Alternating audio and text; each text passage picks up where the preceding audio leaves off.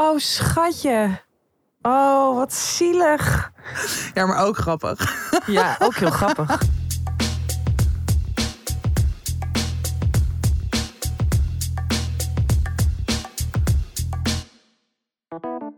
Hallo en welkom bij weer een nieuwe aflevering van Tussen 30 en Doodgaan. Aflevering 111 alweer. Op afstand vandaag. Uh, Niet vanuit Antwerpen? Niet vanuit Antwerpen, inderdaad. Ja, zoals je ziet uh, zit ik voor de boekenkast van mijn ouders, waar ja, toch wel top van de literatuur, namelijk uh, pop-up dinosaurussen, het boek Mini-stoofpotjes en het boek Dementie, Verhalen en Goede Raad. Achter Wie kent ze niet? Wie heeft ze niet in een boekenkast staan? Uh, ja, maar ook uh, kampeerboek Europa. Ja, nou, moet ik wel. Uh, wat een knaller. Moet ik wel. Wat een knallers allemaal. en jij zit lekker voor je eigen boekkast. Ik zit eigenlijk voor mijn eigen boekkast met top literatuur, zoals toch iets kwalitatiever. lachen. Het staat hier niet hoor. Je nieuwe boek ligt er al. Ja, ja precies. Als onderzetter. Als onderzetter. Een enorm oh. boekwerk. Ja, ja, jij lekker in Amsterdam. Ik lekker in Amsterdam. Hoe gaat het met je? Um, nou, het gaat wel. Ik heb niet echt mijn beste week. Wij hadden gisteren oh. afgesproken om, uh, jij en ik dus, wij, um, om uh, even een brainstorm te doen voor de kleine comedie. En ik kwam helemaal een soort tierend en zwetend binnenvallen. Zei, ja. Ik ben chagrijnig! Ja. ja. Dus dat, dat was wel een beetje mijn moed deze week. Maar dat, ja, ik denk, kijk, het is ook hitsgolf en ik ben er Kijk, ik vind het ook lekker, maar ik wil dan gewoon de hele dag op een strand liggen en zwemmen. Dan vind ik een hittegolf prima. En niet als je soort van de drukste weken uit je leven hebt... en van hot naar her moet chasen... en overal gewoon helemaal bezweet en plakkerig en doodmoe aankomt. Dus dat vond ik al irritant. Maar wat een beetje... ik had even een irritant gebeurtenis. Namelijk, ja. ik heb heel erg ontstoken tandvlees. Oh. En ja, en dat heb ik nu een week. En ik heb wel eens eerder ontstoken tandvlees. Maar ja, als ik dan gewoon even heel netjes ga flossen. En gewoon, nou, weet ik veel, mondwater, al die shit. Dan Wat je gaat een week van tevoren doet voordat je naar de mondhygiënist moet. Precies.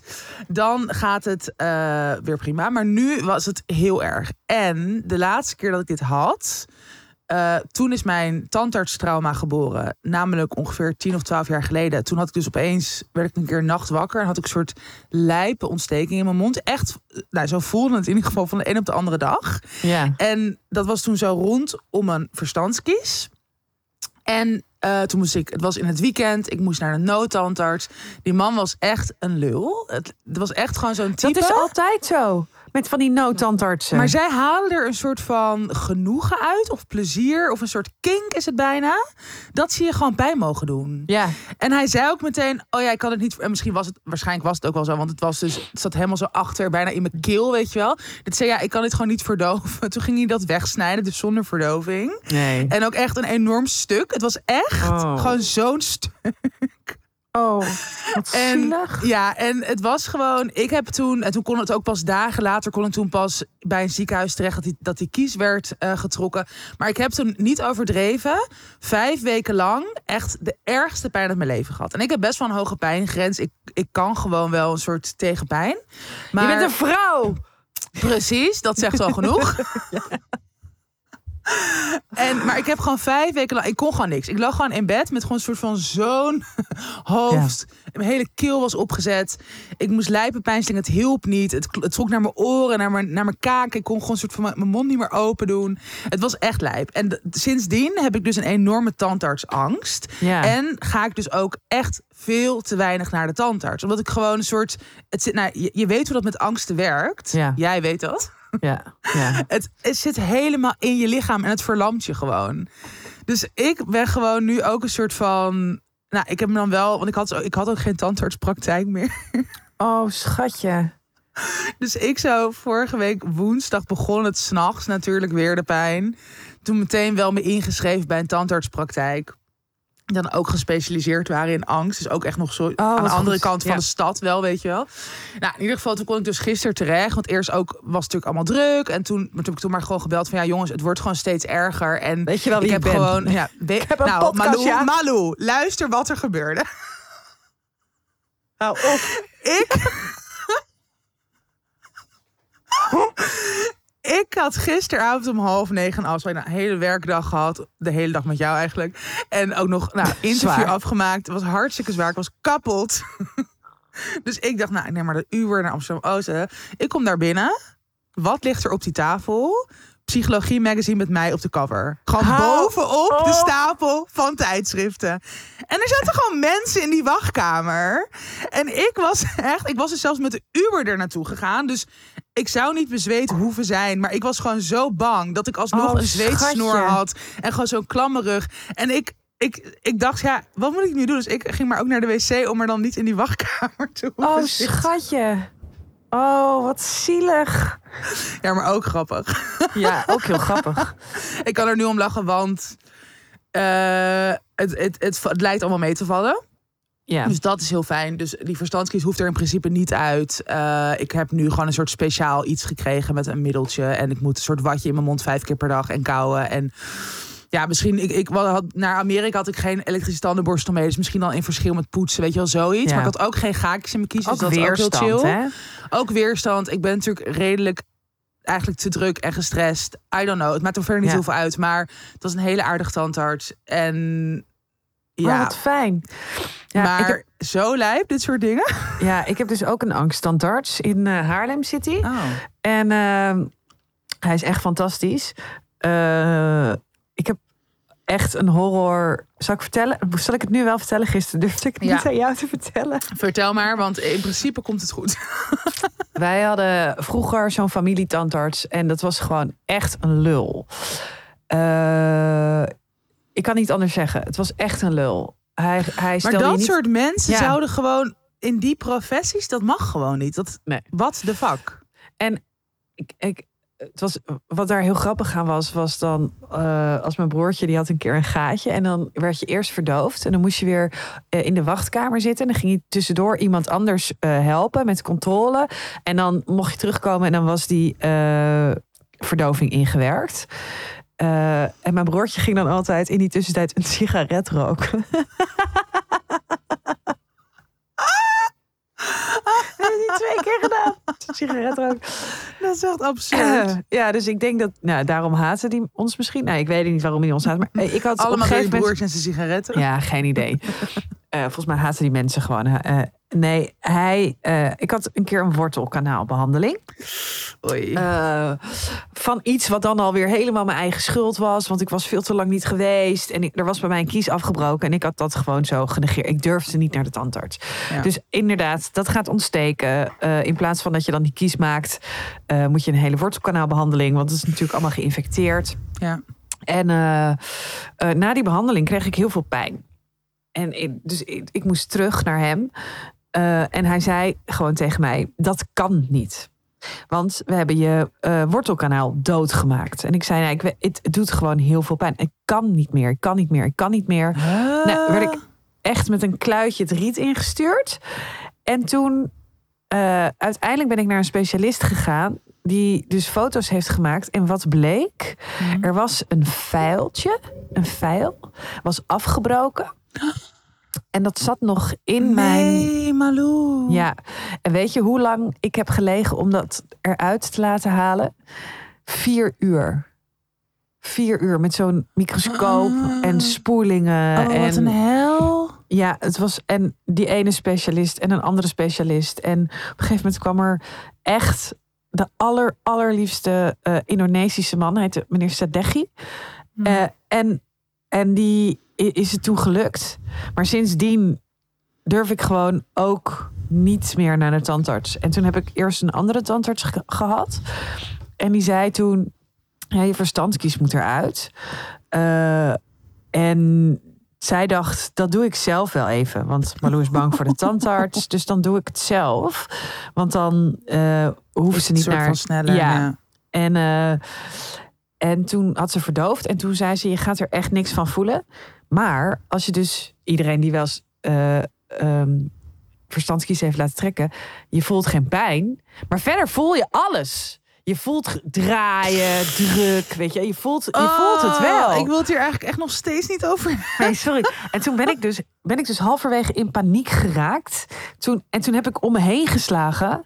En toen zo, wat ik dus deed altijd, dat was later dus om het te stoppen, dat, dat schoteltje met instrumenten omver uh, bouncen. Zo van stop maar. Maar mijn kies hing op half elf. Dus ja, toen uiteindelijk heeft ze het dus afgemaakt om door mij met twee mensen vast te houden en tegen me te praten. Nou, dat was natuurlijk ook echt een enorm nieuw, nieuw drama. Toen moest ik een andere keer moest ik dus mijn andere twee kiezen laten trekken, of één kies eigenlijk. En toen had mijn moeder gezegd: Oké, klaar, je gaat nu niet stressen. En die heeft mij toen zoveel. Ik weet niet wat ze allemaal heeft gegeven, maar ik heb toen haar hele medicijnkast uh, geïnhaleerd en gekregen. Maar als ik ooit nog een keertje wel zoiets moet, ja. dan ga ik echt op bezoek bij jou, bij, wil ik zeggen oma. Prima. Bij, whatever. Bij je moeder. In dat huis waar jij nu zit. Ja. Kom ik gezellig even een kopje thee drinken en de hele medicijnenkast plunderen. Ja, ja. Het, ik weet nog dat ik toen, zeg maar, ik kon niet meer echt in paniek raken, want daar was ik te stoned voor. Maar ik kon wel alleen nog maar heel hard huilen. Oh, schat. ik ben zo bang. Zo ja. Uh, dat. Wat een horror. Het is echt horror. Maar dat vuiltje. Wow. Weet je, hoe, hoe kan dat? Dat is echt absurd. Dat is ook dat weer schijnt dus heel vaak wel... te gebeuren. Oh, maar ik wou zeggen, het is wel weer zoiets dat bij jou gebeurt. Mm. Dat, maar echt leuk van het leven. Wat fijn dat je nu niet uh, geen pijn hebt. Maar wil je niet dan je verstand kiezen? Ik heb wel pijn nog hoor, helaas. Maar het is dus wel, waarschijnlijk is het wel binnen twee weken voorbij. Uh, ja, dus ook niet heel. Maar ik heb, dat is wel het lijpen, hoe dat dus ook werkt met dit soort dingen. Dat omdat hij me dus nu eens wel een soort van heeft gerustgesteld. Ja. Voelt het dus wel, zeg maar, het doet nog wel pijn, maar die hele stress zit er niet meer omheen. Dus ik kan ook, want ik kon gewoon ook s'nachts niet meer slapen. Dan werd ik wakker en dan had ik werd wel wakker van de pijn, maar ik werd dan bleef ik wakker door de angst of door gewoon de stress. En die is er nu wel gewoon grotendeels vanaf. Ja. Dus en ik neem gewoon even elke dag pijnstillers. Ja, het is niet anders. Ik zou het liever niet doen. Je lichaam is een tempel, maar ja, soms moet je gewoon verdoven. Oh ja, ik ben echt niet zuinig met paracetamol. Hoor. Nee, dat weet ik. Uh... dat weten we allemaal, Malou. Ik vind dat altijd zo raar van die mensen die geen paracetamol nemen als ze een beetje hoofdpijn hebben of zo. Of... Ik doe dat ook nooit. Ja. Waarom zou je met pijn rondlopen? Ja, maar het is gewoon niet heel goed om je lichaam. Nou, oké, we gaan niet deze discussie aan. Daar heb ik geen energie voor. Hoe gaat het met jou? Goed, ik heb net twee paracetamol op. Ik had een kleine kater. En uh, had je lekker getankt op het strand? Nee, ja, ik was met Rinsen naar het strand. Het was heel fijn. Uh, het was heel druk ook. Hmm. En uh, daarna zijn we, zeg maar, om tien uur s avonds dacht ik, oké, dan ga ik je, dan is dit het allermooiste moment om je eventjes te laten zien hoe het centrum van Heemskerk er nu uitziet. En um, ja, dat is, hoe kan ik het het beste omschrijven? Op woensdag is altijd het eerste deuntje. Dat betekent dat mensen om tien uur gaan verzamelen. Beginnen met bier drinken. Ochtends vroeg, toch? Ochtends vroeg, ja. En dan om elf uur gaan ze dan het dorp in, het centrum in. En dan gaan ze doordrinken.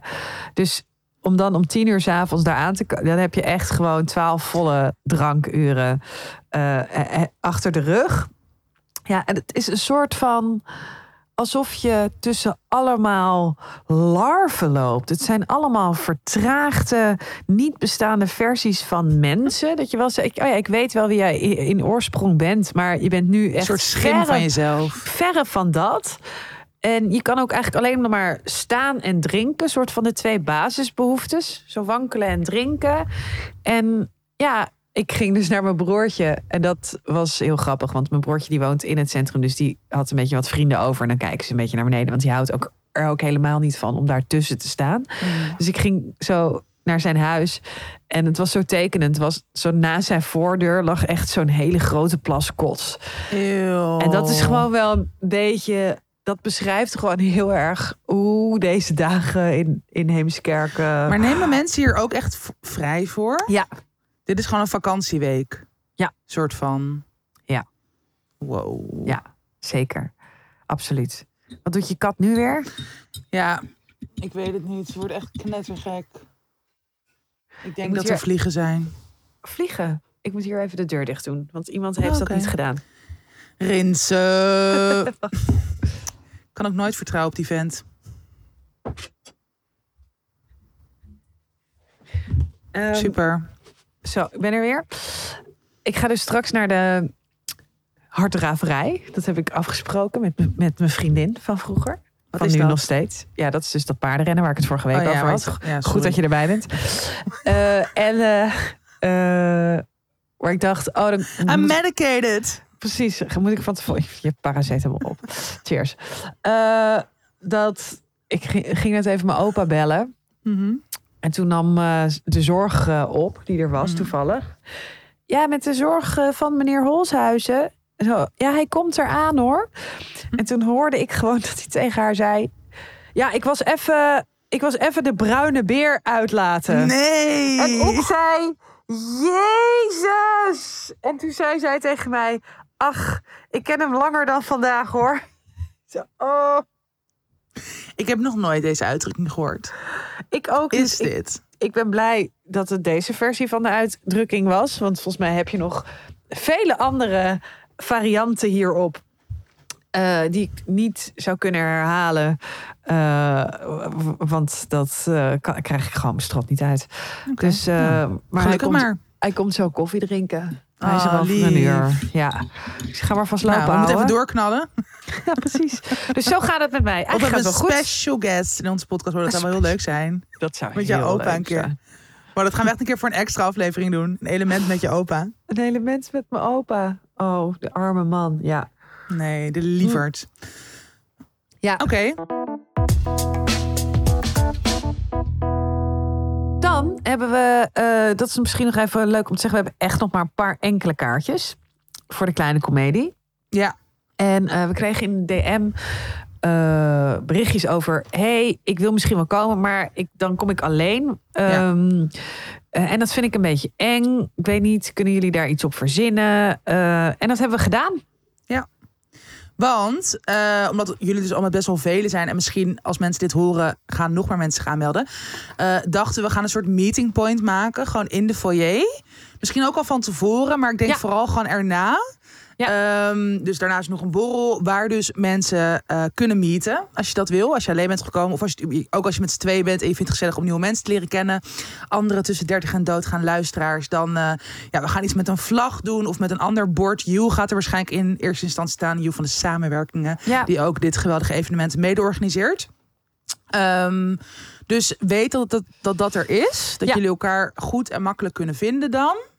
En eh, we laten nog wel even ter zijner tijd weten wat precies eh, het Ja. uithangbord wordt. Maar dat, Precies. Dat, dat gaat wel duidelijk zijn. En weet dat als je in die hoek gaat staan, eh, dat je aangesproken wordt door andere mensen die eh, alleen zijn gekomen. Ja. Leuk. Echt heel leuk. Echt heel leuk. 2 oktober, Kleine Comedie. De allerlaatste kaarten via de kleinecomedie.nl.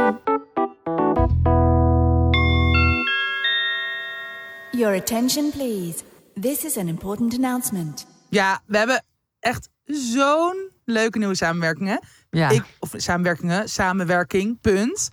Ik ben heel blij, want ik ben echt al eh, eh, jaren heel erg fan van deze winkel, namelijk Superbra. En Superbra is een mega inclusieve lingeriewinkel met vestigingen in Rotterdam, Utrecht en sinds kort ook in Amsterdam. Sinds eigenlijk dit voorjaar of deze zomer. ja. In ook nog eens ons favoriete stadsdeel, waar ik nog steeds woon en jij natuurlijk heel lang hebt gewoond, Amsterdam-West. En we zijn dus gisteren langs geweest voor een speciale bra-fitting ja. met ons hele team. Nou ja, behalve Rins, dus ook weer niet zo inclusief. Nee, het was niet zo inclusief. Rinsen was niet mee. Nee, maar wel met wij met z'n tweeën natuurlijk. En met Hugh en Amanda, onze nieuwste aanwinst. Ja. Ehm, ja, en we waren dus bij Superbra. En ze hebben 130 verschillende BH-maten. Nou, ik vond dat, dat alleen al, dat getal Ja. daar, je bedenkt ook niet dat er zoveel verschillende maten zijn.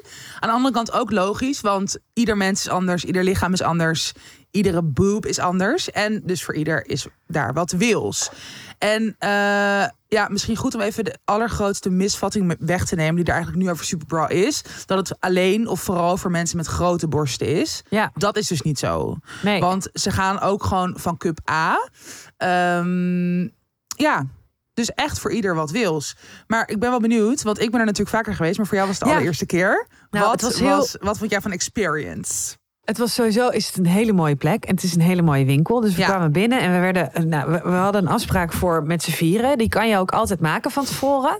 Ja. Eh, je kan ook met groepen komen. Je kan, ook, eh, eh, je kan er echt een uitje van maken. Ehm, en eigenlijk kregen we dan allemaal eh, eh, een, een, een BH-maatje, wilde ik zeggen. Maar iemand die dus- medewerker, ja. ja, iemand die dus met jou meegaat het pashokje in. En op basis van eh, het BH die je aan hebt, eh, goed kijkt eh, hoe zit het, wat zit anders. En dan doe je BH uit en dan gaan ze goed kijken van wat is je maat. En ik heb wel eens vroeger zo'n item gezien bij Oprah Winfrey. Weet je wel? Dat eh, ehm, eh, heel veel vrouwen de verkeerde maat BH dragen. En wat Ja. denk je dan? Dan denk je, oké, wat lullig voor al die vrouwen. Dit Ja, gaat niet over ik? mij. Ja, ja, precies. Dat. En eh, zeiden zo, eh, oké, welke maat heb je? Ik zo, nou, ik zit meestal op eh 75 eh, D of eh, C of D. En zij zo, kijk zo aan. Nou, ik denk het niet. Ik ga voor jou even een 60E pakken. En ik zo, pa, doe je best. Ha, ha, ha. En ik deed zo aan, zo, oh ja. Dit zit echt veel beter. En dit is een 65F. Probeer dat eens. Ja.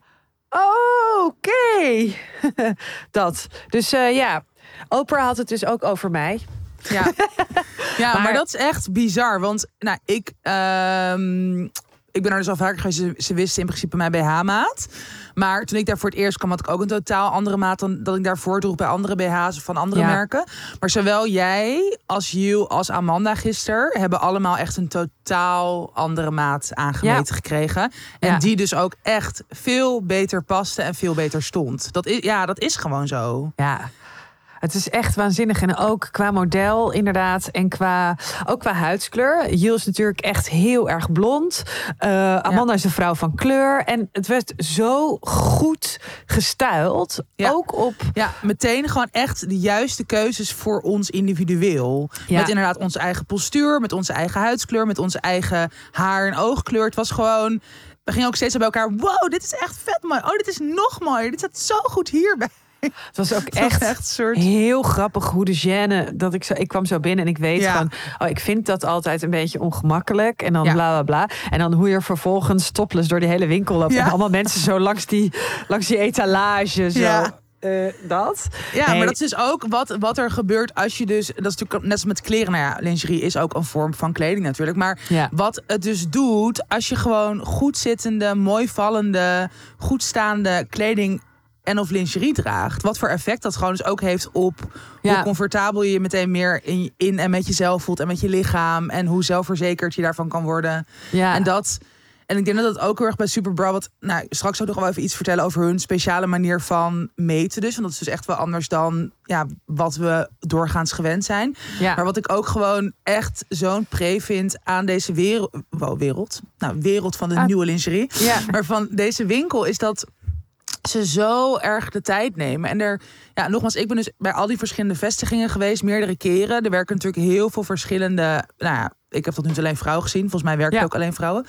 Ehm, maar iedereen is zo lief, open-minded, grappig, neemt de tijd. ja eh, en kijken echt naar jou als persoon. En dat is, eh, nou, dat is, Floor is de eigenares. Die hebben we natuurlijk gisteren ook allemaal gezien en gesproken.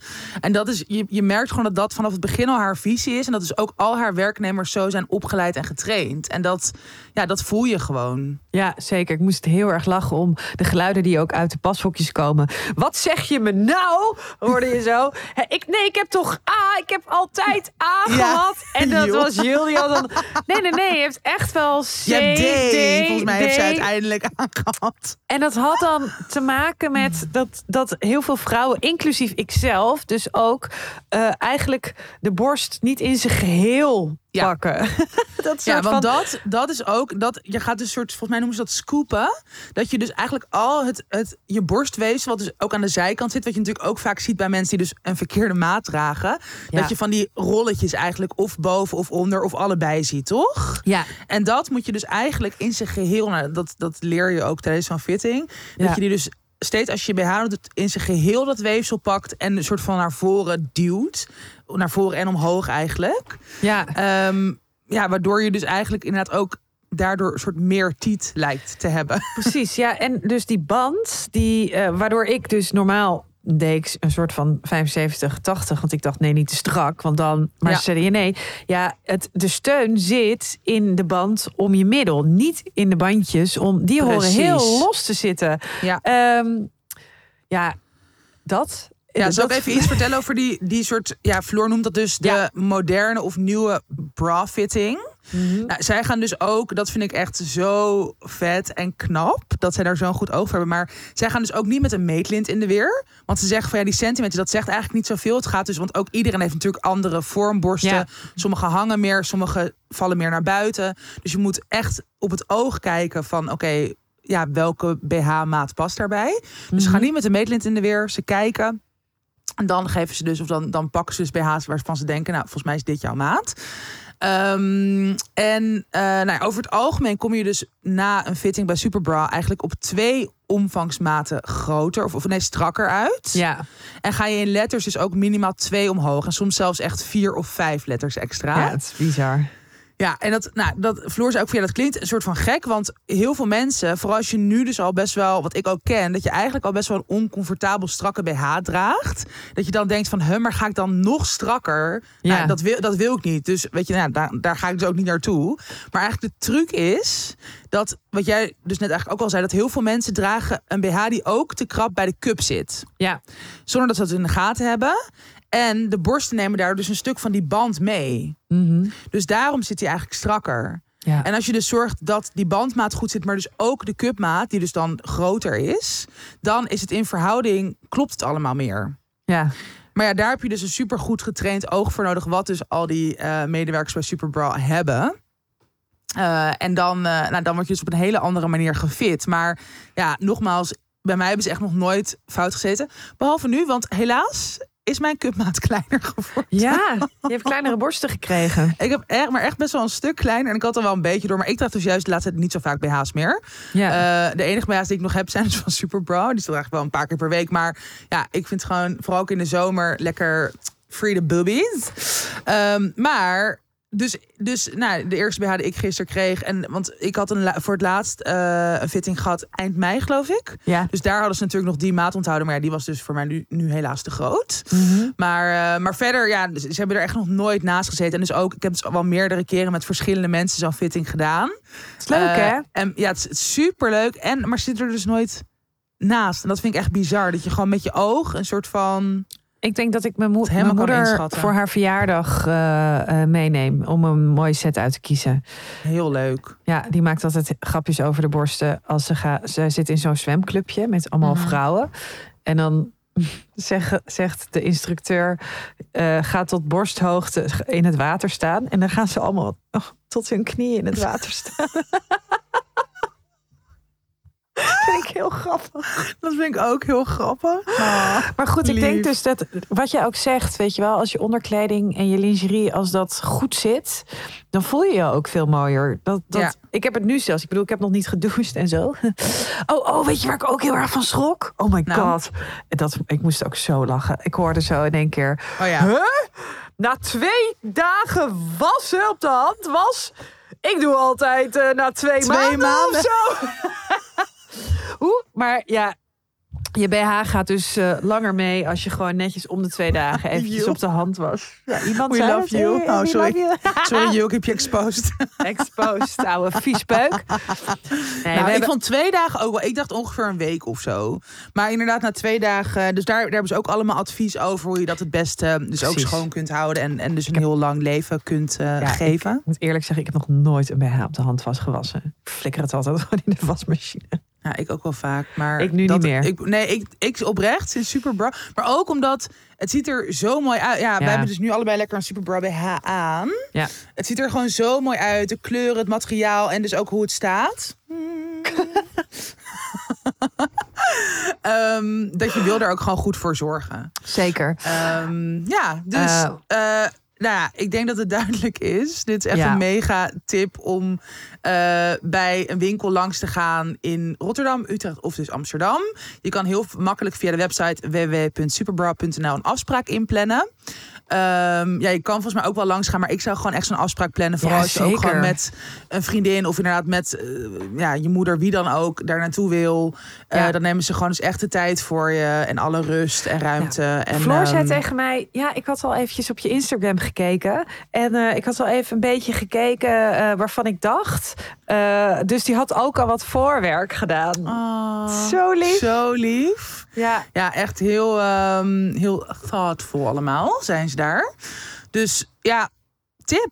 Tip. Check Superbra. En ehm, ik, heb dus, ik ben ook echt heel blij, want het is nu nog hittegolf time deze week. En ik heb dus echt een fucking leuke bikini ook ja eh, oh, dus het was heel slim van jou. Ja, ik dacht je- opeens, oh, we mogen verschillende setjes. Maar laat ik even naar de swimwear kijken. En ik heb een hele was- leuke panterprint bikini. Dus die ga ik lekker vanavond meteen aandoen en testen in het water. Hij is waanzinnig. Eh, veel plezier allemaal. En laat ons weten of jij ook een totaal andere maat aangemeten hebt Ja, ik ben heel benieuwd. Wel. Oh, ik wil ook nog één ding zeggen. Want dat is ook, wat ik al aan het begin zei. Het is ook zeker voor mensen met kleine borsten. Ja. Maar, wat dus wel vaak zo is. Nou, daar is Jules dus ook het levende voorbeeld van. dat veel mensen die denken dat- dat ze dus een A of een AA-cup hebben. Dat ze eigenlijk bijna altijd ook met een grotere cup weggaan. Ehm, dus dat is ook misschien goed om mee te nemen. Te weten. Te weten. Yes. Nou, Het verder leven. over de leven. Oh my god. Weet je wat echt erg is? Nou, Nou, ik ben dus twee dagen in het huis van mijn ouders. ja. En eh, kijk, we hebben gewoon sowieso een hele andere stijl. Qua, to say the least. to say the least, een hele andere stijl qua inrichting en zo. is allemaal niet erg. Maar ja, mijn moeder is gewoon chaos. Ja. Het is één grote... Ja, waarschijnlijk is het Toch een beetje haar- een hoorder. Ja, een beetje hoorderachtig, maar met rare dingen. Ja, ik kan het wel heel even laten zien hoor. Maar ja, ik, I don't know, weet je wel. Wat daar staat aan handpoppen en Jan Klaassen dingen en zo. En, maar altijd als ik hier ben, en ik neem het me ook voor om het niet te doen. Ik denk, Malou, doe normaal, je bent daar twee nachtjes. Eh, maar ik kwam gisteren binnen en ik verbouw gewoon de hele Echt? Maar wat vinden ze ervan? ja, zij vinden mij een debiel. ja, dus zij denken alleen maar, ja, jouw probleem. Ja, nee, maar ik, het maakt dan een soort van. Ze hebben natuurlijk ook nu die nieuwe hond. Dus het is, dat hele huis is ingericht Ja. op die nieuwe hond. Ja, en dan zit ik hier twee dagen. Ga ik niet tussen de hondenspullen zitten. Dus dan ruim ik dat zo allemaal op. Leg ik het in de schuur. En, ja, en dat is dus, dat, daar stoor ik me nog het meest aan. Hm. Ze hebben zo'n lelijk schilderij hangen in de, in de woonkamer. Ja, met allemaal blokjes en kleurtjes en dan een ezel rechts onderin en zo. Het is echt, ja, Die wil Ja. je niet erven? nee, nee, serieus. Nou, misschien wil ik het erven zodat ik het kan verbranden. Nou, Eh, maar het eerste wat ik doe is, ja, ik haal dat er gewoon vanaf. Ik haal het van de muur. Ik berg het op. Ik heb het, ik heb het weggebracht. Ik heb er een foto van mezelf opgehangen. jij bent echt niet goed. Ja, arme ouders. Ik heb het op mijn slaapkamer gezet en ik heb een foto van Maar mij. waar slaap jij dan? Ik slaap eh, in de logeerkamer. Ik slaap niet in hun bed. Vind je dat goor? Nee, ik weet, vind het raar. Om daar seks in te hebben. Ja, ook. Maar ook gewoon om te slapen. Ik heb liever seks in het bed van mijn ex, wat hierboven staat. zeg maar. I like it. Oh, ja, dat. Nee, eh, ik heb dus nooit in die kamer geslapen waar mijn ouders slapen. Dus het, is aan mij, het, is heel, het komt niet in me op om in die kamer te slapen. Ik slaap gewoon op de kamer waar ik vroeger sliep. Ja, oké, dat snap ik Dus ook wel. ehm, dat, dus naast het kinderbedje. En de, de, de vierde hobbytafel van mijn moeder. Ja, het is Oh. wat het is. dat? Maar vind je het wel, voel je je daar nog wel thuis? Nee.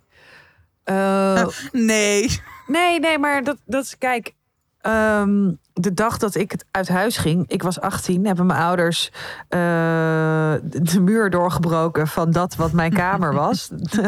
Eh, dus ik kon ook sinds mijn 18e ook niet meer, zeg maar, thuis slapen. Weet je wel, ik had geen, Mm. geen plek, maar ik sliep dan altijd bij mijn opa en oma. Eh, dat. En zij hebben het huis zo ontzettend veranderd. Dus nieuwe keuken, alles opengebroken. Dus het is echt ook qua vorm een ander huis geworden. Ja, Eh, er zijn ik. kamers die er vroeger niet waren. En vroeger was het echt, ja, echt een schraal huis. En nu, eh, sinds wij allemaal weg zijn, en ja, hebben ze een mooi huis met Het schrale is een enorme mansion. Good for them. Ja. Zo het interesseert ze geen reet, hè, wat, wat, eh, wat ik hiervan vind. Dus dat is En terecht, het, het grappige. Heel grappig. Dus ik kan dit ook gewoon doen. En ik weet dat ze kaart moeten lachen als, als ze thuiskomen en mijn foto boven de bank zien hangen. In plaats van hun fucking lelijke schilderij. Maak er straks even een foto voor ons voor. Ja, is goed. ik zal het even doen. Centerpiece in het huis. Precies. Ja, en mijn vader verdenk ik ook echt van eh, eh, kleurenblindheid en dat. Dus ja, ach. En voor de rest dit, hè. Alles, alles is batik.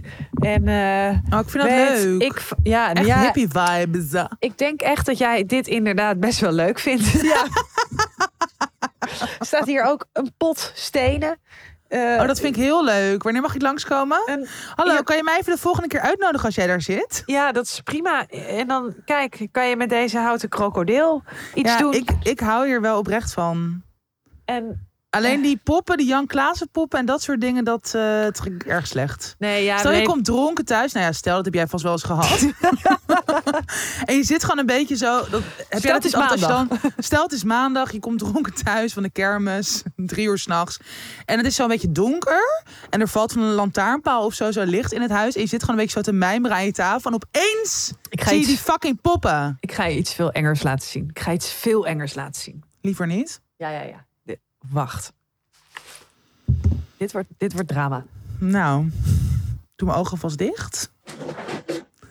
Wow. Het halve huis stort even in ondertussen. Door het hele huis hier. Maar ik zweer het je, ze liggen dus ook boven. Kijk, mijn moeder. Maar van wie zijn die poppen? Nee, dit zijn van die levensechte eh, poppen met. Kijk, je moet dat ook met zo'n ik krijg met helemaal zo'n kriebels ervan. Ja, het is echt. Ik krijg echt de Ik krijg kriebels. oprechte van. kriebels. Ik heb gewoon helemaal zo'n jeuk. Ja, dit is zo'n oefenpop die ze gebruikte op school eh, voor mensen die eh, kraamverzorger worden. En mijn moeder heeft lesgegeven op zo'n school. Jij dat hoofd helemaal zo omdraaien. en die nam dan. Die nam dat mee. Dus ze gebruiken deze. Dit zijn ook van die requisieten die ze gebruiken in films en zo. Het is ook echt op, op ware, waar gewicht. Maar je ziet ook dat hoofd zo vallen. Ja, maar deze poppen liggen overal in het huis. Want waarom niet? Waarom zou je Dat ze niet vind ik heel raar. opbergen? Dus ik kom dus wel eens ergens thuis of een ruimte binnen. En dan zie ik in één keer een- zo'n baby met zo'n geknikt nekje ergens in een hoek liggen. In alle kleuren. Oké, laat maar. Ik kom nooit op bezoek. Precies. Dus be careful what you wish for. Ach, jeetje. Ja, eh, dus dat. Ik probeer dus minder Jezus te zeggen. Nu zeg ik dit. Jeetje. Ja, ja, ja. Ik hoorde het gisteren Jij ook al een het paar gisteren keer. ook al.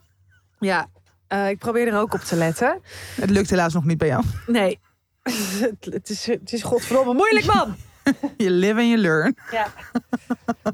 dus dat. Oké. Eh, nou, hartstikke dus- leuk. Maar dat is dus heel grappig. je- Dat, dat je ook weer merkt dat zodra je hier bent en ook weer zodra ik op de kermis. Ik had het gisteren over het dorp.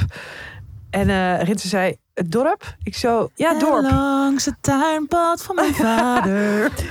Nee, maar als in met de medeklinkers. Dus ik ga ook weer zo praten als, als hier. Dus dorp. En Heel grappig. ik zag iemand Ik vind die dat wel leuk. Waarom, Ralf. waarom, waarom, ehm, waarom praat je niet altijd zo? Heeft wel Eh, wat. Ja, dat moest ik afleren. Omdat ik toen, eh, toen ik naar Amsterdam op school ging. Dat ze zeiden, als jij ooit een rol wilt in een toneelstuk of een film. Dan is het handig als je niet praat als eh, Siske de Rat. een Noord-Hollandse... Dat Amsterdams, maar ja, het is een beetje... Ja, het is, het is een beetje... Het is, het is heel erg... Nou, het is heel grappig. De vrouw van mijn broertje, die praat echt heel plat. Ik vind dat wel leuk. Leuk. Ja. Maar dat, maar gisteren, het is ook, dan ben je er weer en dan kruipt het er toch een beetje in. Gewoon meteen, maar ja, maar het is gewoon je roots, meid. En iedereen doet mij dus na, hè? Zo alsof ik heel bekakt nu praat. Iedereen vindt mij hier echt een ontzettende kakker. Grappig, hè? Heel grappig. Ja. Dus, eh, en wat ik dus ook grappig vind, ik kom dus heel veel mensen tegen van vroeger. Mhm. En eh, ik had het laatst ook in een gesprek eh, met mijn opa. Vooral oude mensen hebben het. dus vrienden van mijn ouders, uh, opa en oma of mensen waar ik vroeger mee heb gewerkt of zo, dat die dan zeiden, zeggen dan tegen Rinse, ja, sinds ze met jou is, is ze veel rustiger en veel opener. En ja, jij hebt echt een hele goede invloed op haar. En ik vind dat zo fucking belachelijk. Het is echt denigerend. Nou, Alsof je dat past. Ja, en ook zeg maar. Uh, ik had nooit echt relaties, of in ieder geval, ik had nooit gezonde relaties. Omdat ik gewoon. Shout-out naar al je exen. Shout-out naar al mijn exen. Hier zijn ze. dat, maar, Sorry. Oh, je komt je babypop halen. Tuurlijk, pak hem maar. En jij krijgt een babypop. En jij krijgt een babypop. Allemaal een babypop. Uh, ja, dat ik. Ja, maar ik ben toen. Ik heb een jaar iedere woensdag in een kliniek gezeten. Uh, in therapie gezeten. Het is gewoon je eigen verdienst, hallo. Toen was ik in staat om uh, een hele gezonde relatie, een liefdesrelatie met iemand anders op te bouwen. En dat is toevallig Rinsen. En dat is het aandeel van Rinsen. op de juiste plek, op het juiste moment. dat is zijn aandeel. Oké, nu doe je hem een beetje tekort. en hij is ook heel knap en goed in bed. wow. Arme Samuel. Ja. Dit gaat over jouw vader, Samuel. Thanks voor de edit. Thanks voor de video's. voor de luisteraar. De zoon van Rinsen maakt onze video's. Ja, Samuel. Nu niet meer, waarschijnlijk. Dit was de laatste. Hè? Nee, goed. Ja, dat lucht op. En, en ik weet gewoon dat als ik straks naar de kermis ga, dat dit weer, dat het weer zo, dat rondje zo, mensen die dan een beetje dronken zijn en dan denken, ja, dit ga ik nu aan haar vertellen. Dit hier zit ik al heel lang mee. Dat ga ik nu vertellen. Vind ik grappig. Ja, vind ik ook grappig. En jij? Um, ik word gebeld, ga weg. nou, dit zegt alles. Weiger, alles weigeren. en jij? Ik word gebeld, ga weg. Klaar. Klaar. Zo gaat het met jou. Um, nee, ja, wel. Oké, ja, ik, ik merk gewoon dat ik heel erg moet wennen aan weer een soort geroutineerder en dus ook saaier leven. Ik heb er aan de ene kant wel echt behoefte aan. Dus ik, ik ga er ook wel lekker op. Maar het is gewoon, als ik gewoon naar mijn weken kijk deze week, of nee, deze maand dan is het allemaal gewoon een soort hetzelfde. Gewoon steeds al ochtends afspraken, dan nog ergens tussendoor sporten, deadlines halen, vroeg naar bed. Nou, natuurlijk wel een paar dingen gepland met mensen, maar het is gewoon allemaal zo erg voorspelbaar. En ik heb denk ik gewoon het afgelopen half jaar totaal vanuit die onvoorspelbaarheid geleefd. Ja. En gewoon elke dag. Natuurlijk, moest ik ook wel eens deadlines halen. Of had ik ook wel eens afspraken. Maar natuurlijk ook gewoon die twee maanden in Amerika. Maar ook daaromheen wel gewoon best wel all over the place. En ik vond het heel lekker. En ik heb ook laatst alweer gezegd dat ik daar ook wel klaar mee was. En dat ik ook behoefte heb aan meer rust, reinheid, regelmaat. Maar nu het zover is, vind ik het ook gewoon. Dan zit ik gewoon zo op mijn bank hier. En dan denk ik, ja, ga ik nu weer een boek lezen? Nou, ik ben jouw boek aan het lezen. Dat vind ik wel echt heel leuk. Oh, ja. Jij vindt het doodeng. Ja. ja, maar um, nou, ik heb je ook al complimenten gegeven, dus je moet niet zeuren. Ja. Um, maar het is, nee, ik vind het wel, ik vind het echt heel leuk om het ook al gewoon, ja, het voelt gewoon speciaal dat ik het al voor andere mensen mag lezen. Toch een ego-ding. Ja. En, um, en ik vind het heel leuk, want ik ben dus juist nu, omdat ik nou ja, een poging doe tot ook regelmaat in het schrijven van mijn eigen boek, ben ik best wel gewoon minder fictie aan het lezen. Dus voor jou maakt het nu echt een uitzondering. Oh. En, um, en ik vind het heel. Ik merk dat, denk ik ook, doordat ik dat aan het lezen ben, dat ik ook zelf dan zou het nadenken ben over. Oh ja, uh, wat voor vertel. Want ik, ik was dan in de derde persoon aan het schrijven, maar soms tot nu toe heb ik eigenlijk alleen maar de eerste persoon geschreven. En ja. dus, maar dat ik daar zo de hele tijd over na aan denken ben van, oh ja, wat is nou de meerwaarde hiervan? Wat is de meerwaarde daarvan? Wat past nou het best bij dit personage? En dat het dus ook bij mij gewoon best wel wat aanwakkert. Dus dat vind ik ook heel erg leuk. Um, ja, en gewoon om te zien hoe jij, nou, hier gaan het ook wel vaker over, dus ik ga nu niet te, dieper nog op in. Maar dat ik het gewoon heel leuk vind, omdat dit is natuurlijk jouw tweede boek. En ik vond natuurlijk jouw eerste boek echt heel goed. Uh, dat heb ik ook gelezen voordat wij eigenlijk, nou, voordat we de podcast starten, maar ook voordat mm wij eigenlijk uh, ook bevriend raakten en gewoon elkaar eigenlijk leerden kennen. Ja. Dus, um, en dat, dat vond ik heel goed. Maar dat was natuurlijk autobiografisch, of had heel veel autobiografische elementen. Ja, En dit is natuurlijk in principe puur fictief. ja. Natuurlijk altijd, iedere schrijver neemt ook dingen mee, maar het is, het is een fictief verhaal. En dat, ik vind dat gewoon heel cool om te zien hoe je dat gewoon hebt geconstrueerd. En ehm, ja, dus dat, dat, is wel, dat vind ik wel leuk aan mijn geroutineerde avond, dat ik lekker in jouw boek kan duiken. Maar dat is dan ook het enige. ja, ja, het is, eh, het is heel lastig. Tenminste, wat ik, wat ik heel lastig vind, zoals gisteren, dan zitten we met z'n tweeën en dan denk ik, oh, gaat ze er iets over zeggen? Hoe ver is ze? Waar is ze? Heeft ze dit al gelezen? Heeft ze dit al gelezen? En dan zo, ja, en dan bij alles dat je denkt, bijvoorbeeld net zeg je al drie keer leuk. Dan denk ik, wat is leuk? Wat betekent leuk?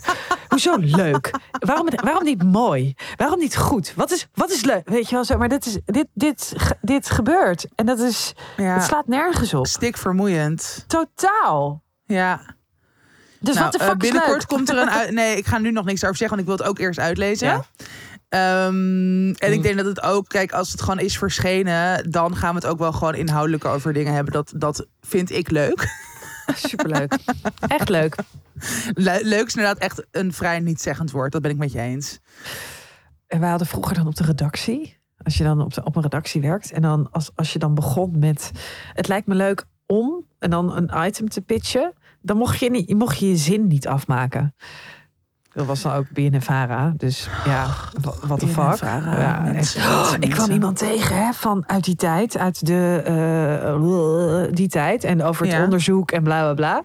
En ik, ik, ik dacht, weet je, dat zijn echt van die situaties dat je dat je die je in je hoofd al een paar keer hebt eh, doorgemaakt.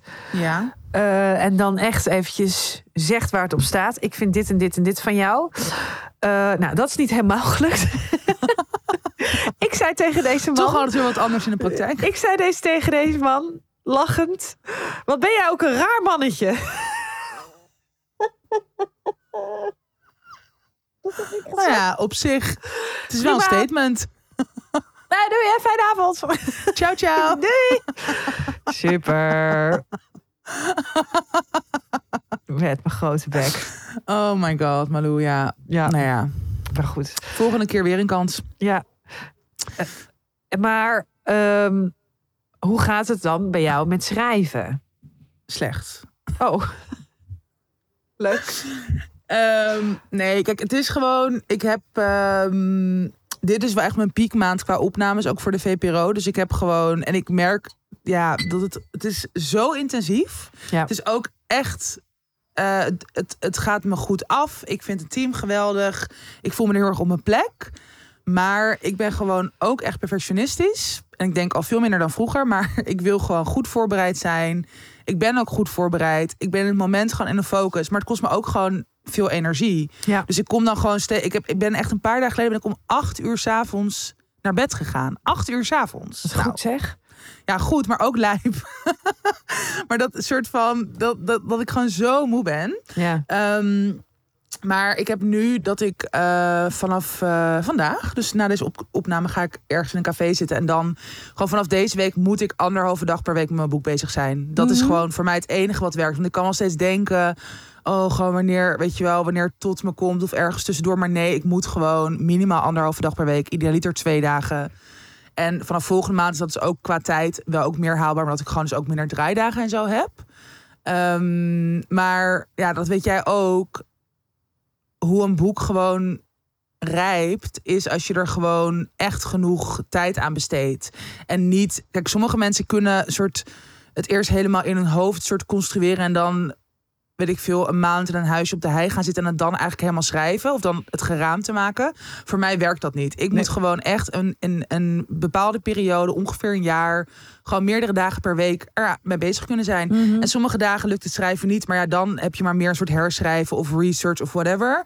Maar wel gewoon die soort continuïteit met dat is voor mijn boek. Ja. Ehm, nou ja, en dat heb ik dus vanaf deze week in mijn agenda. Dus vanaf eh, over een paar weken kan ik er misschien meer over Fijn. zeggen. Maar En Ben jij een Ja. schrijver? Weet jij nu al eh, hoe jouw verhaal gaat aflopen? Of laat je het Nee. gebeuren tijdens het schrijven? Ja, ik weet het wel ongeveer. Ik weet het nu meer dan ooit. En dat is ook omdat dit ook fictie wordt. Ja. Dus ik heb wel echt veel meer, eh, ja, toch een soort mal ge- geconstrueerd al. En ook wel dus ongeveer waar het einde naartoe gaat. Maar ik weet het nog niet precies. Ik ben toch uiteindelijk wel meer een intuïtieve schrijver, denk ik. Ja.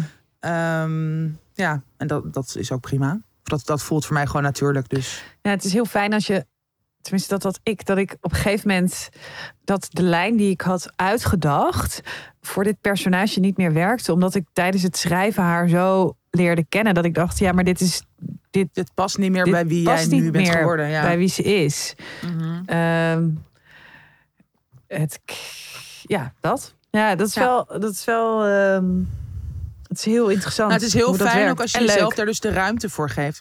Ja. Heel leuk. Ja, ik vind die fase waar jij in zit, daar ben ik nu jaloers op. Zo van alles kan nog. Het kan, het wordt, Ja. weet je, het wordt gewoon het beste ja, boek dat vind ik ook fijn. ooit. Alles Ja, staat nog en- open. Ja.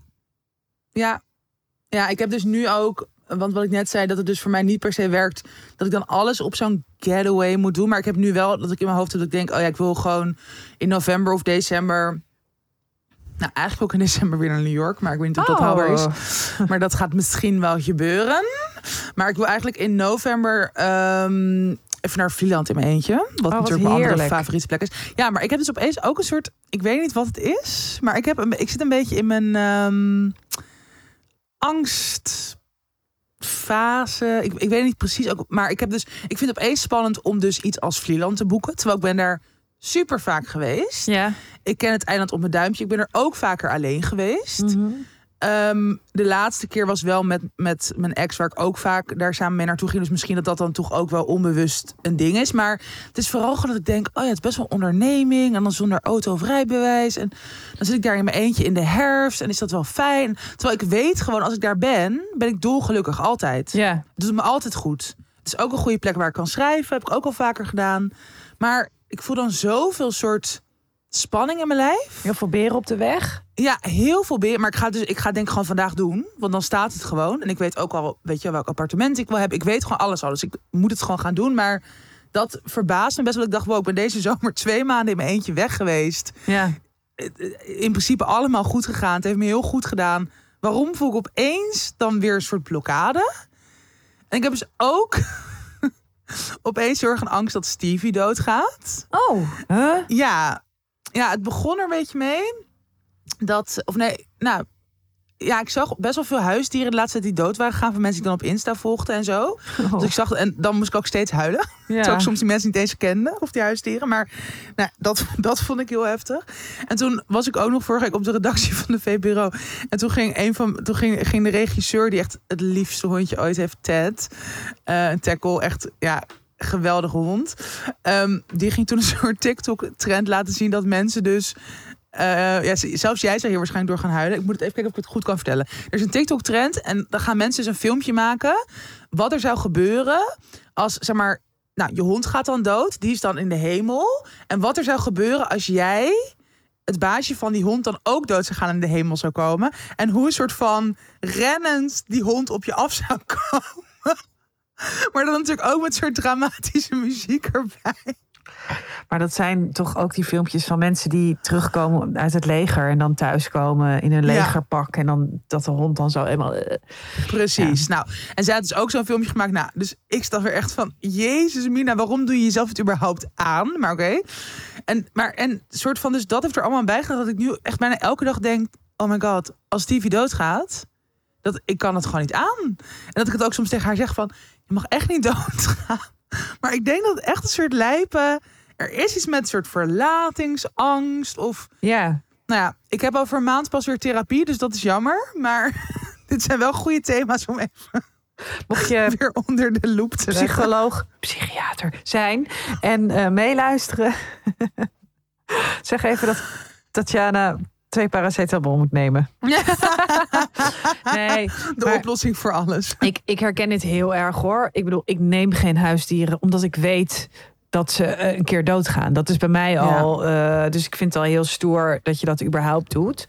Ehm, en ehm, ja, weet je wat het ook misschien is? Kijk, jouw relatie is natuurlijk uitgegaan. En daar, toen, daarna had je een soort van licht puntje van, oh ja, maar ik ga dan naar New York en dan weer naar Martha's Vineyard en zo. En daar heb je elke keer zo heel erg naartoe geleefd en dan is dat nu voorbij. Ja. En eigenlijk is het nu een soort van, weet je wel, je, je een nieuw rustmoment in. Je bent terug, uh, uh, supergoed met werk. Het, maar het is toch ook dat je nog heel erg moet gaan wennen aan deze uh, nieuwe situatie. Ik bedoel, zo lang is het niet. Nee, ja, dat is ook raar. Want ik zit inderdaad zo uitdruk dat ik dacht, het is pas negen maanden. Dat is eigenlijk Precies. helemaal niet heel lang. Dat je, dat ja, je het niet, is, het is ook, niet meer samenwoont. ook- En, eh, ja. Ja, dus- en het is, dus, het is ook dus blijkbaar iets heel onbewust. Want ik heb echt zelden dat ik ehm bewust. Ik, ik vind echt heerlijk om alleen te wonen. Ik zie mezelf misschien wel nooit meer. Nou, nooit, nooit. Maar echt niet anytime soon. Ook al zou ik een nieuwe relatie krijgen. Echt niet zo snel weer samenwonen. Eh, ik voel me ook zelden eenzaam. ja, Dus het is, het is niet dat het echt heel erg zich op een bewust niveau manifesteert. Maar het is misschien toch inderdaad wel nog een restje van het rouwproces. Of nou, waar we het natuurlijk laatst ook over hadden. Rondom het boek van Sanne van Rij. Van oh ja, Mhm. toch weer patronen. Dingen van vroeger waar je doorheen moet. Die inderdaad gewoon draaien om onveilige hechting, verlatingsangst. Ja. Eh, dus dat, dat, zul- dat zal allemaal vast meespelen. Maar ik vind het dan toch zo intens. Zodat je dan opeens zo eigenlijk in een week ja. of in twee weken zo dan opeens allemaal kan overvallen van wow, waar komt dit nu dan toch tussen aanhalingstekens ineens vandaan? Ja, ja, Maar goed, inderdaad. ik ben er bewust van en ik, ik vind het dan fijn dat ik er wel gewoon over kan praten en het er een soort kan laten zijn. Dat is dan toch vaak al een heel groot deel Zeker. Van ja, En- ermee om kunnen gaan. En je kat is nog heel jong. Ja, gelukkig. Dus En ze is laatst helemaal gecheckt. Ze is helemaal healthy. Dus als zolang ze niet van het balkon afvalt omdat ze achter een vlieg aangaat, komt het helemaal goed. ja. ik zag net George Clooney hier voorbij racen. Dat is met de een kat van je ouders. Ja, de kat van mijn ouders. Met een, eh, een andere kat achter hem aan. Dus ik weet niet of hij nog leeft. Goed. Anyway. Goed, ehm, laten we doorgaan. Ja. Your attention, please. This is an important announcement. Moken, opgelet. Eh, tijd en je attentie voor een hele belangrijke samenwerking. Namelijk weer die met de regenbooggroep. We hebben zoveel mooie en lieve reacties van jullie gekregen ja, op onze eh, samenwerking van vorige week. Dus we nemen hem deze week met heel veel liefde nog een keer mee. Eh, en dan met name de maatjesprojecten. Want ja, we love Amsterdam. Maar er zijn in Amsterdam ook een hoop mensen die extra aandacht kunnen geven. Die dat echt nodig hebben. Die dat kunnen gebruiken. En daar zijn we Ja. ons eigenlijk allemaal wel bewust van. Mensen bijvoorbeeld met psychische klachten of eh, financiële problemen. Mensen die zich eenzaam voelen, verslaafd of ongewild dakloos zijn. Nou, over deze thema's hebben wij het natuurlijk heel erg vaak gehad in onze podcastaflevering. En vanuit onze eigen ervaring eh, en mensen in onze nabije omgeving of via berichten van onze luisteraars willen we je oproepen eh, om eventjes op te letten. We weten volgens mij allemaal hoe ontzettend moeilijk het kan zijn om je rug recht te houden en dat het soms heel ingewikkeld is. Ja, het leven. Het leven. Het leven. Ja, en de regenbooggroep is er dus speciaal voor mensen die hulp of tijdelijke ondersteuning nodig hebben. Ehm, de regenbooggroep is een organisatie van 350 professionals en 1500 vrijwilligers die ze aardige Amsterdammers noemen. En die aardige Amsterdammers zijn er om allerlei verschillende mensen te helpen op de meest uiteenlopende gebieden. Nou, we hebben natuurlijk vorige week ook al best wel veel genoemd. Ehm, en ik heb me dus inderdaad inmiddels opgegeven als vrijwilliger, wat ik zei. Ehm, nou, ik heb al een bevestigingmail en ik word binnenkort eh, volgens mij gebeld door een coördinator. Zo ontzettend leuk. Ik vind Ja, het zo goed het is- van je. Ja, maar wat ik ook vorige week al zei, ik, ik nou, hoort dus ook van veel mensen in mijn omgeving, dat we ook van luisteraars teruggekregen. Hè, van Ja. wow, ik ben al langer op zoek naar inderdaad, eh, ja, eigenlijk vrijwilligerswerk of projecten waar ik me aan kan verbinden, waar ik gewoon iets kan terugdoen voor mijn medemens. En dat gevoel had ik zelf ook al langer. En ja, soms, ik bedoel, er zijn natuurlijk zoveel verschillende initiatieven en goede doelen. Gaat het mij soms ook een beetje duizelen, maar dit kwam dan toch een soort van op het goede moment op mijn pad. En Ehm, nou ja, wat ik zei, we hebben wel best wel veel genoemd waar mensen ondersteuning in kunnen krijgen. Bijvoorbeeld, eh, je hebt een digimaatje. Die helpt met omgaan met computer en smartphone, dat soort dingen. En een LHBTI plus maatje. Voor mensen die zich uh, nou ja, alleen voelen of eigenlijk meer willen ontdekken over hun queer zijn. Ervaringen willen uh, delen. Ja. ja. ervaringen willen delen. Um, ja, nog talloze andere dingen. Ja, bijvoorbeeld dat financiële maatje. Hè? Mensen die ja. Uh, ja, helpen om hun financiën op orde te krijgen. Uh, ik heb hier vorige week ook al iets over gedeeld. Maar ja, er zijn gewoon situaties waarbij je door de bomen het bos niet meer ziet. En er valt vaak samen met heel veel schaamte. Uh, ik, ik, weet het ook nog wel toen ik op een gegeven moment dacht: ik, volgens mij kan ik mijn huis niet meer betalen. Maar daar ja. geen actie aan verbond. Omdat je dan ja, dan moet je dus je financiën op een rij gaan zetten. Moet je kijken ja, wat zijn je inkomsten uit. Ja. heel erg. ja, en ook die, die schaamte, zeg maar, dat, dat ik dat. Ik kon het zelf niet. Dat had ik door. En, en dat ik toen dacht: uh, ja, maar moet ik dan naar familie of naar je ouders? Of uh, nee. Het is echt heel fijn als je daar gewoon iemand heel gericht uh, mee zou kunnen helpen. Dat, ja. dat is echt heel erg welkom. En Ja, dan kan je echt het verschil maken en iemand weer een duwtje in de rug geven. Dat, Ja, eh, soms is het gewoon heel fijn iemand van toch een beetje buitenaf die gewoon een soort met een frisse blik naar de situatie kan kijken en die er gewoon voor je is. Ja, Eh, ja, en dat faciliteert de regenbooggroep dus. Ehm, ja, er is ook een maaksproject voor mensen die zich eenzaam voelen. Dat, ja, dat is denk overal, maar ook in Amsterdam een groot probleem. Ehm nou, eenzaamheid kan natuurlijk ook verschillende oorzaken hebben. Het is lastig om je verbonden te voelen als je bijvoorbeeld geldzorg hebt, wat jij ook zei, dat, dat die schaamte of die angst dan zo erg kan verlammen. Maar ook als je dakloos bent of somber of angstig. Nou, wat ik net ook eigenlijk ook al zei. Ehm, en dat is natuurlijk dan ook een vicieuze cirkel waar je in terecht komt. Dus wie lang eenzaam is, die wordt onzeker in de omgang, gaat dan contact nog meer vermijden. En dan wordt de lat om iets te ondernemen nog hoger. En dan eh, vergroot dat natuurlijk ook weer de kans op een isolement. Dus daarin is het ook gewoon heel erg belangrijk. Ik zag inderdaad ook al op de website heb je dan ook allemaal zo'n vacatures staan. En weet je, het, het, kan gewoon al helpen dat als je je als maatje aanmeldt, dat je gewoon een paar uur per week met ja, een andere Amsterdammers even een kopje koffie drinkt. Of helpt bij een boodschap. Of gewoon inderdaad even een praatje maakt. Dat kan al zoveel verschil maken. ja, dus eigenlijk zijn we op zoek naar aardige Amsterdammers eh, die andere aardige Amsterdammers willen helpen. Daarom Ja. hier in Tussen 30 en Doodgaan nog even de oproep. De oproep. Meld je ook aan als vrijwilliger. Ja, Ehm, en dat kan dus gewoon via de eh, website van de Regenbooggroep. Die we natuurlijk ook in onze show notes delen. En ja, wat ik al zei, het, de- het aanmeldingsproces is gewoon heel makkelijk. Dus je vult gewoon al je gegevens in. Dan nog een korte motivatie waarom jij eh, je ook voor dit maatjesproject wil opgeven. Ehm, en dan wordt er dus, eh, ja, volgens mij binnen een paar dagen of binnen, binnen een week wordt er dan contact met je opgenomen. Precies. En dan kun je kijken wat de beste fit is. Wat is ook heel erg fijn is, want ik zei net ook al, er zijn dus heel veel, zijn 350 professionals, dus je kan ook eh, opgeleid worden. Eh, je krijgt een training, je wordt helemaal meegenomen in wat voor iedereen zeg maar, dus voor, voor zowel jou als voor ja. je beste voor je nieuwe maatje. eh, wat voor jullie werkt. Dus dat is allnou gewoon super goed geregeld. ja het is echt En, fijn om te ehm, weten dat je inderdaad ja. ook begeleid wordt. Dat, want het lijkt me, Precies. het is natuurlijk ook spannend. En nou ja, daar word je helemaal in begeleid. Eh, je wordt meegenomen.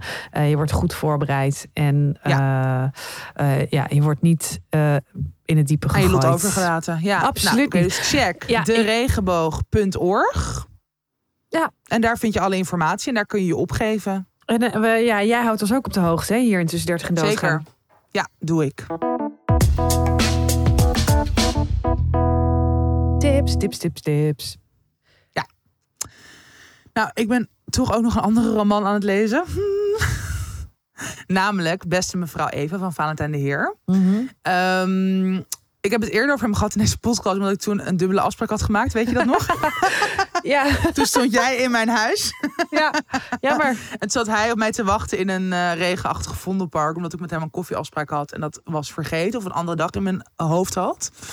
Ehm, nou, en toen uiteindelijk alsnog koffie met hem gedronken. Dat was heel leuk. En nou, wel bevriend geraakt. Maar daar gaat het allemaal niet om. Hij heeft een heel mooi boek geschreven.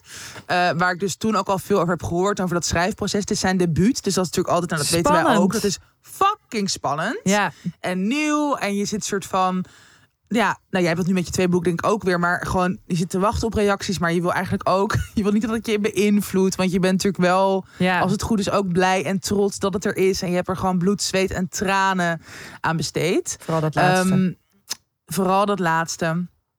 Maar het is, ja, dit boek van Valentijn de Heer is echt heel goed. Ik ben echt onder de indruk. Ik heb het nu drie kwart, eh, eh, ik zit op drie kwart. Eigenlijk allemaal in één avond gelezen. En het is, ehm, het gaat over een kind, een jongen. En eh, zijn gezin krijgt gezinsuitbreiding. En zijn broertje dat wordt geboren heeft een verstandelijke beperking. En dat, eh, dat, dat weet zijn ouders niet. En dat zet eigenlijk de verhouding in het gezin op scherp.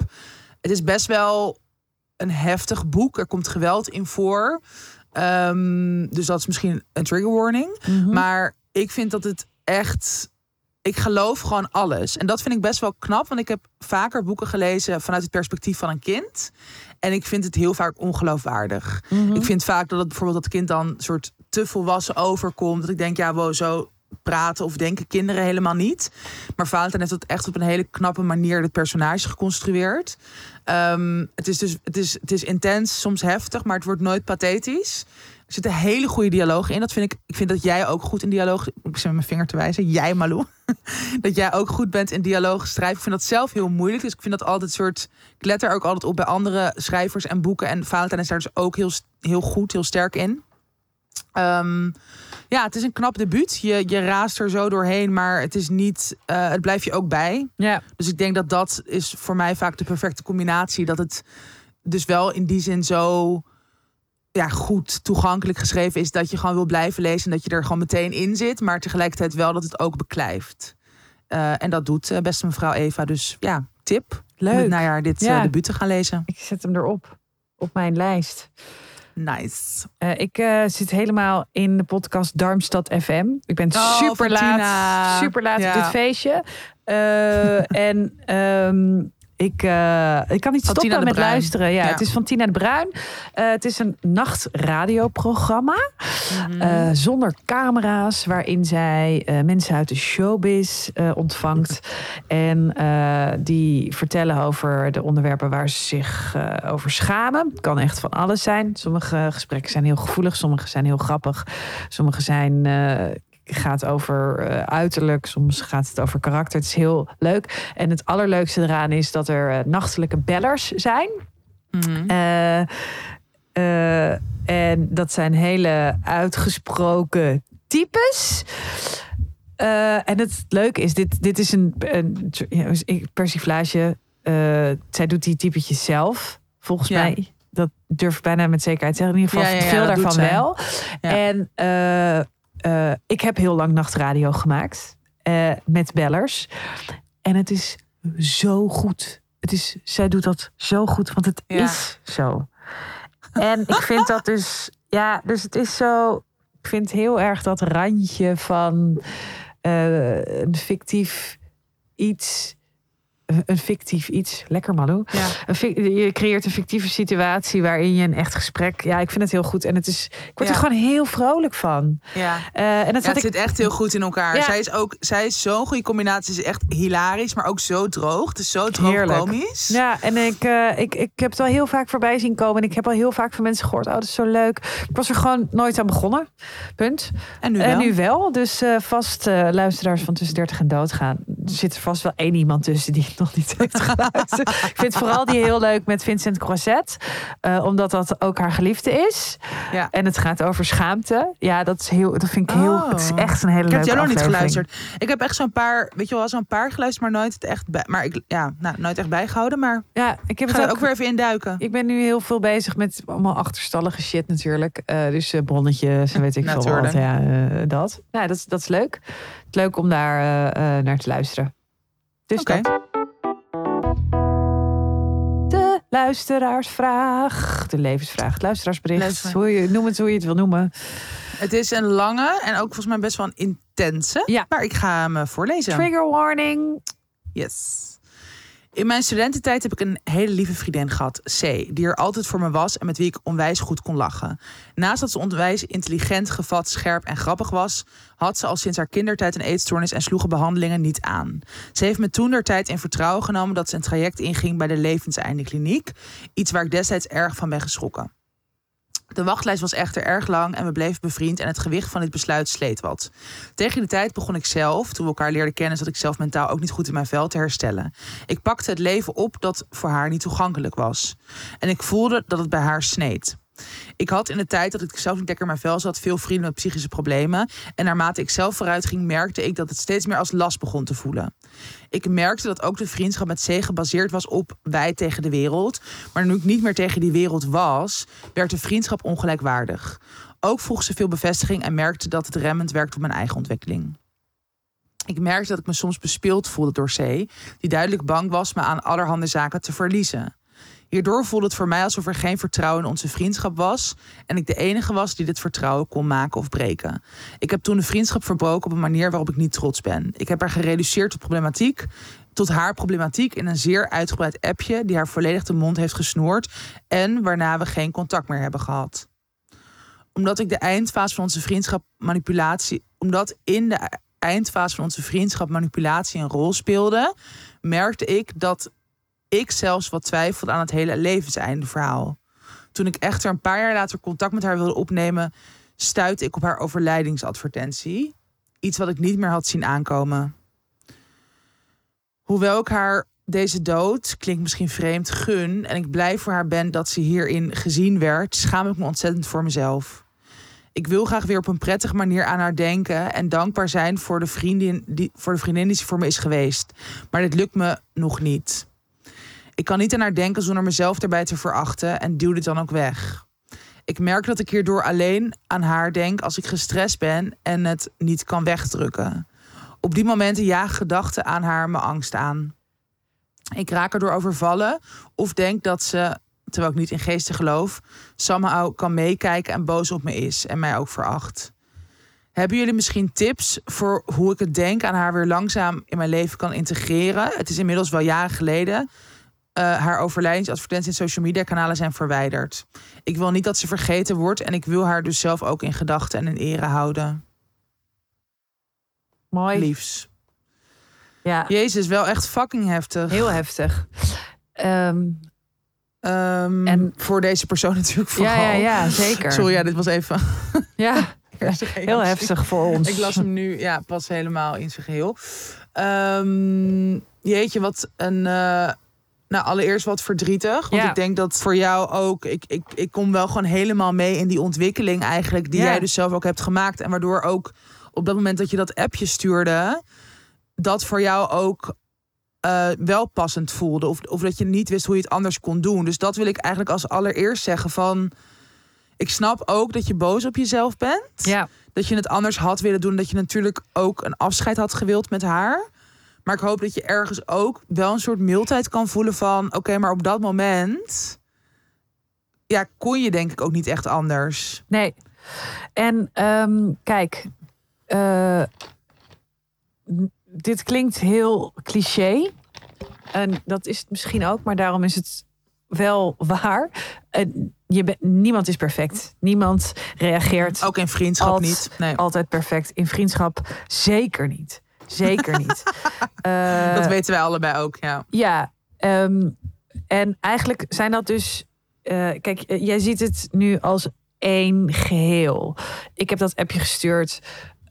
dat was het laatste. Daarna is zij overleden. Maar dat zijn, het zijn natuurlijk twee verschillende dingen. Het zijn Mhm. twee hele verschillende momenten geweest waarop dat is gebeurd. En eh, fases, zeg maar, dat het nu één, dat dat één verhaal is in hoe je erop terugdenkt. eh, dat, dat maakt het inderdaad heel moeilijk. Terwijl volgens mij wat je zegt, dat klinkt heel erg logisch en, en heel goed ook om voor jezelf op te komen. En dat je dat niet op een nette manier, in jouw ogen nette manier hebt gedaan, eh, dat is gewoon niet zo heel erg.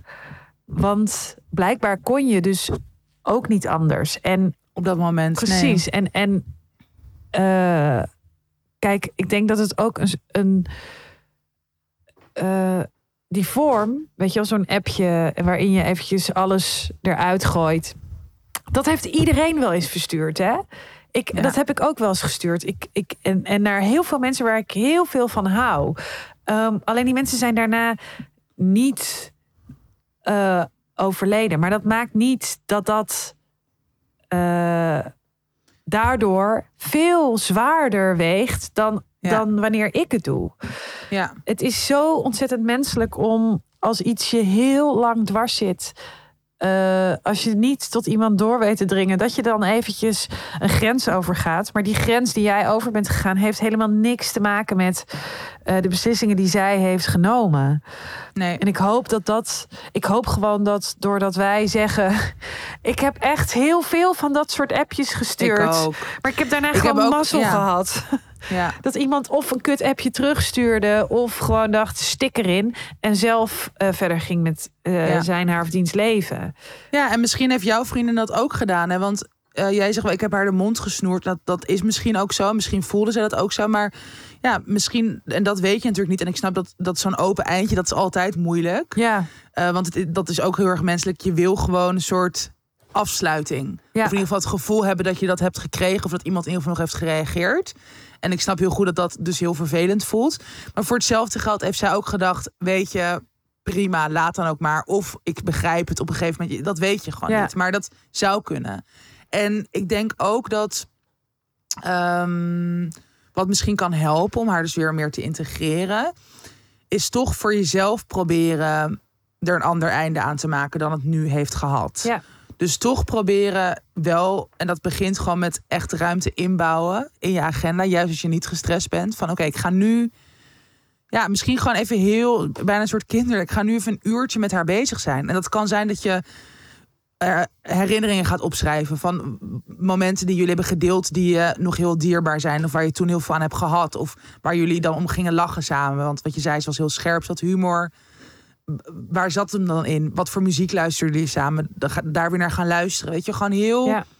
een soort concreet, tastbaar. Je zou er zelfs, Dat proberen terug te halen. zelfs aan kunnen denken om iets ceremonieels eh, te doen. Om, om echt een moment eh, ook afscheid van haar te nemen. Want als je dat eh, per eh, ongeluk weet je, voor je kiezen krijgt dat iemand er niet meer is. En, en weet je, ja, uitvaarten zijn niet voor niks. Dat is Ja. dat, dat eh, geeft je eh, ruimte om het te kunnen verwerken. Dus misschien is er een plek waar je naartoe kan gaan. Misschien kan je iets voor haar opschrijven. Kan je het hardop Ja. voorlezen. Kan je een brief daar eh, op die plek achterlaten. Ehm, om dat echt eventjes ja, ritueel voor jezelf te doen. Zeg tegen haar wat je wilt. Misschien zeg je wel even hardop tegen haar... hey, sorry voor dat klote appje. En Ja. dat is ook eigenlijk het, Of het enige... opschrijven. Hè? Je kan ook een brief schrijven aan Ja. haar. Misschien dat dat voor jou werkt. Ja, en dan, ik denk dat als je het hardop uitspreekt, weet je, sorry voor dat klote appje, je ook echt wel, echt wel weet dat klote appje heeft geen verschil gemaakt. Het is ook maar gewoon een klote appje. Weet je? ja. ja. En, En ook, en ook wat jij zegt van. eh, niet, niet jij, Malou, maar, maar de briefschrijver. eh, of het, het bericht, de berichtschrijver. Dat, dat zij ook zegt van. Weet je al, vanaf haar kindertijd worstelde ze hiermee. En ha- had ze die behoefte aan rust. Dus ook of jullie wel of niet vrienden. Want misschien dat je dat ook wel ergens Precies. voelt. Van als ik een betere vriendin was geweest. Of als ik wel nog in haar leven was geweest. Maar dit speelde altijd al. ja, Dus hoe, hoe cru dat ergens ook klinkt, of hoe natuurlijk wil, je, wil jij de reden zijn als vriendin dat iemand wel wil blijven leven. Dat zou ik in ieder geval hebben.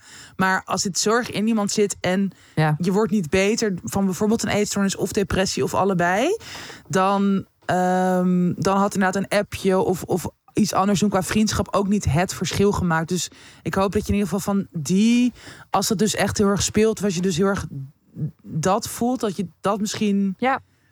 iets meer kan loslaten. ja. En inderdaad weer kan focussen op de tijd dat jullie wel veel voor elkaar hebben kunnen betekenen. Dat, is- dat is namelijk ook geweest. En dat is, daar mag je dan ook heel trots op zijn. Ja, zeker. Oké, hou ons op de Oké. hoogte. Ja, eh, zet hem op. Veel liefs. Veel liefs. Nou, eh, dit was de Veel liefde honderd van jullie allemaal. elfste aflevering van Tussen 30 en Doodgaan. Dankjewel voor het luisteren. We zijn er volgende week weer. Wil je samenwerken? Eh, mail dan deze komende maand tot half oktober naar Amanda. Amanda. Van de samenwerkingen. En wel gewoon Amanda van de samenwerkingen. Ehm, wel gewoon tussen 30 en doodgaan at gmail.com. En ja, luisteraarsberichten mogen ook via de mail of via onze Insta. Het tussen 30 en doodgaan. En ehm, ja, we spreken jullie, we zien jullie, we horen jullie. Alles. Later! Doei!